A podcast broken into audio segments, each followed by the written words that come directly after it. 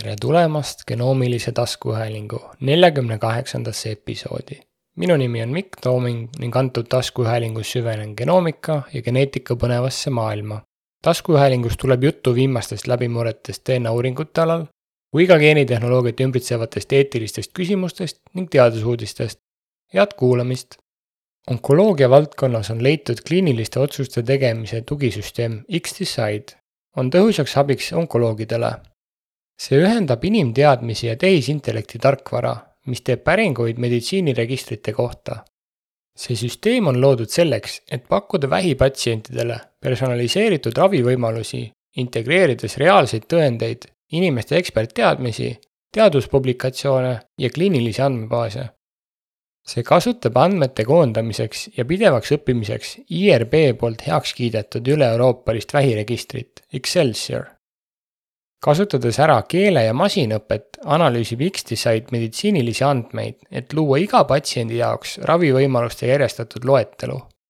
seejärel vaatavad need soovitused enne patsiendile esitamist läbi inimeksperdid, näiteks molekulaarfarmakoloogid ja onkoloogid.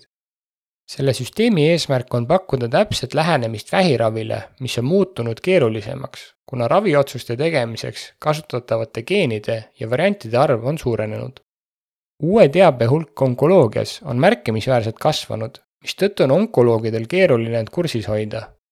X-Decide'i eesmärk on lahendada see probleem, pakkudes arvutuslikku tuge iga patsiendi ravivõimaluste kiireks analüüsimiseks ja prioritiseerimiseks. reaalsete tõendite, inimteadmiste ja kliiniliste andmebaaside integreerimine peaks parandama patsientide tulemusi ja kehtestama uued standardid onkoloogilises ravis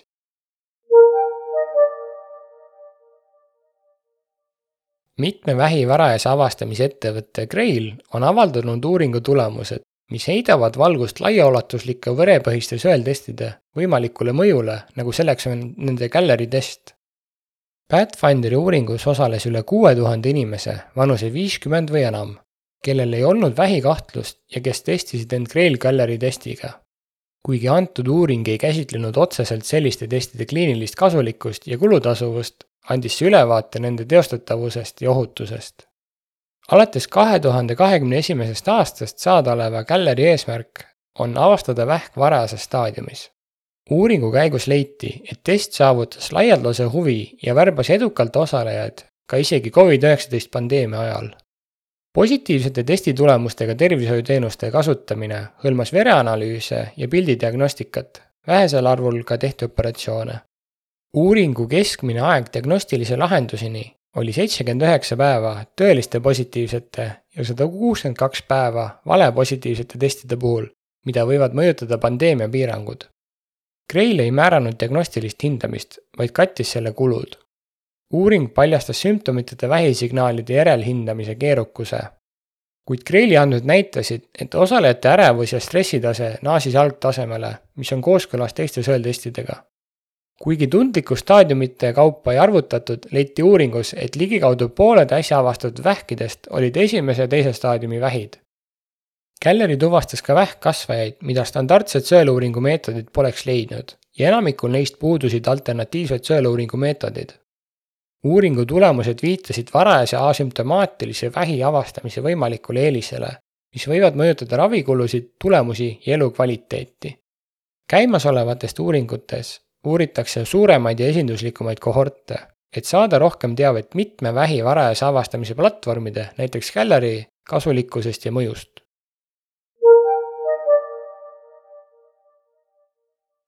Birminghami ülikooli teadlased on avastanud valgu GPP1 valvemehhanismi, mis ründab mikroobe nakatunud rakkudes see avastus avab võimaluse erinevate haiguste, sealhulgas toksoplasma, klamüüdia, tuberkuloosi ja isegi vähktõve uute ravimeetodite väljatöötamiseks. uuringus leiti, et GPB1 ründeaktiivsust kontrollitakse fosforüleerimisprotsessi kaudu, mille käigus lisab valgule fosfaatrühma kinaas nimega PIM1. fosforüülitud GPB1 on seotud tugivalguga, mis takistab tal rakkumembraani valgu valimatult ründamast sellel mehhanismil on märkimisväärne terapeutiline potentsiaal, mis pakub võimalusi GPB1 funktsiooni sisse ja väljalülitamiseks, et sihtida ja kõrvaldada patogeen või vähirakke. see võib pakkuda uusi võimalusi antibiootikumi resistentsete patogeenide ja vähi raviks.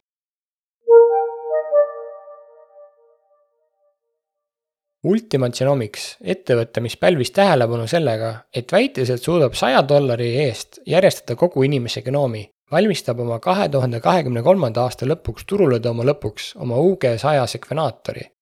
UG saja sekvenaatori eesmärk on olla ökonoomne, automatiseeritud sekvenaator, mis on võimeline pidevateks toiminguteks ja on mõeldud suure mahuga kasutajatele. ettevõte on läbi viinud varajase juurdepääsu programmi koos klientidega, sealhulgas Genome Insight, Broad Institute ja Regeneron Pharmaceuticals. Ultima Genomicsi eesmärk on vähendada sekveneerimise maksumust ja prognoosib, et tulevikus suureneb aastas genereeritavate sekveneerimiste hulk suurusjärgu võrra. UG sada on kavandatud pakkuma pidevat sekveneerimist ja mitme proovi laadimise võimalust.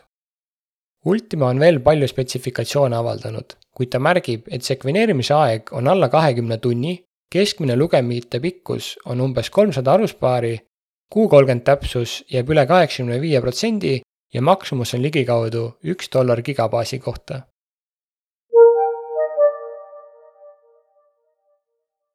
Berkiner ehk uue nimega Reviti ja Element Bioscience on teatanud koostööst, mille eesmärk on parandada järgmise põlvkonna sekveneerimise teadusuuringute töövooge antud partnerlus keskendub neonataaluuringute rakendustele ja selle eesmärk on pakkuda lahendusi, mis vastavad erinevatele laboratoorsetele vajadustele.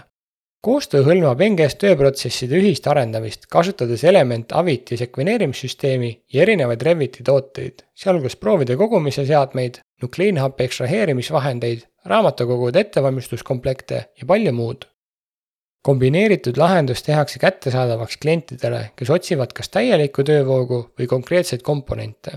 Element Bioscience on teinud koostööd ka teiste ettevõtetega, et integreerida NGS-i tööprotsesse oma Element Aviti sekvenaatorile. Partnerluse finantstingimusi ei ole avalikustatud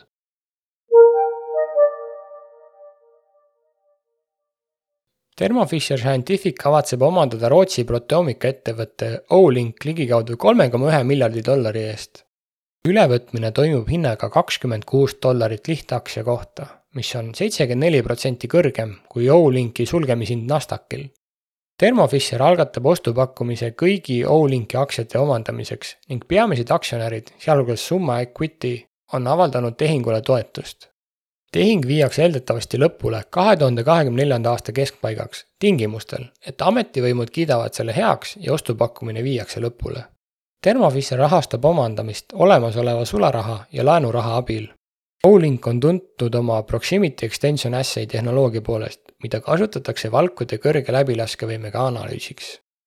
pärast omandamist muutub Olink Thermo Fisher Life Science Solution segmendi osaks ja eeldatavasti saavutab see kümnendi keskmise orgaanilise kasvu Olinki prognoositud selle aasta tulud jäävad vahemikku ligikaudu kakssada miljonit dollarit ning teise kvartali lõpus oli ettevõttel sada viiskümmend üks koma kaks miljonit dollarit finantsinstrumente.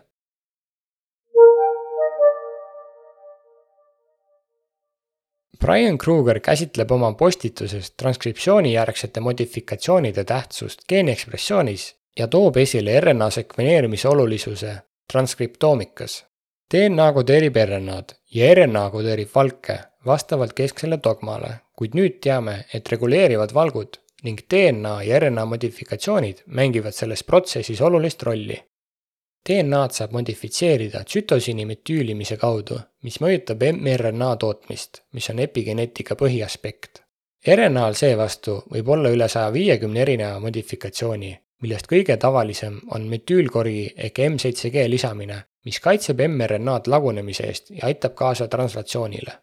Lisaks M7G-le on olemas ka M6AM, M6A, pseudouridiin, M1A, M5C, HM5C, AC4C ja inosiin, millel on kontekstist sõltuv mõju tuumaekspordile, translatsiooni reguleerimisele või RNA lagunemisele. Need modifikatsioonid mängivad olulist rolli selles, kuidas rakud reageerivad muutuvatele keskkondadele Nende uurimine on aga olnud keeruline, kuna traditsioonilised transkriptoomika meetodid hõlmavad RNA muundamist cDNA-ks, mis ei säilita neid modifikatsioone. üheks lahenduseks on RNA järjestus otse ja paljutöötavad edusammud, nagu seda on viidanud Oxford Nanopore, mis saavutab ligikaudu üheksakümne viie protsendise RNA sekveneerimise täpsuse ja M6A aluse modifikatsioonide tuvastamise. see on ülioluline, et mõista nende rolli inimeste tervises ja haigustes.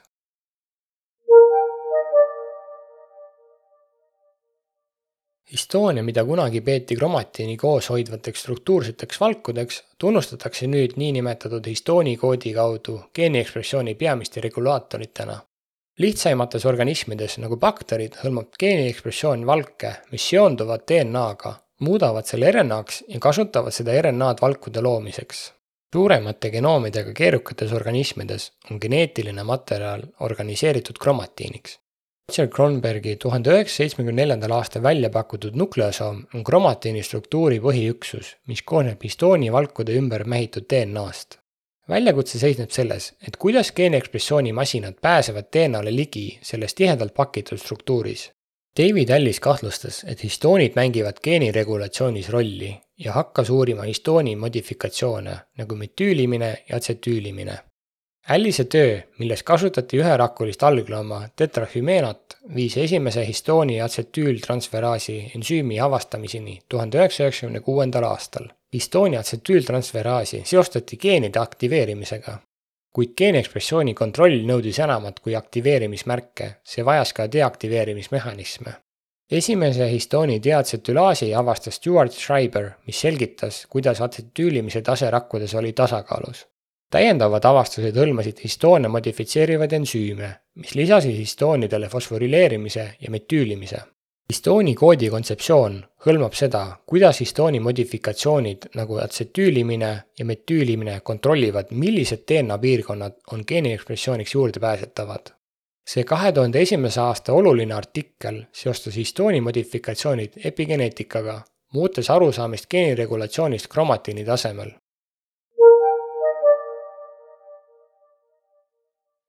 kui märkasid mõnd huvitavat uudist, soovid genoomilise pusa osta või sul on küsimusi, saad mulle kirjutada genoomiline at gmail.com.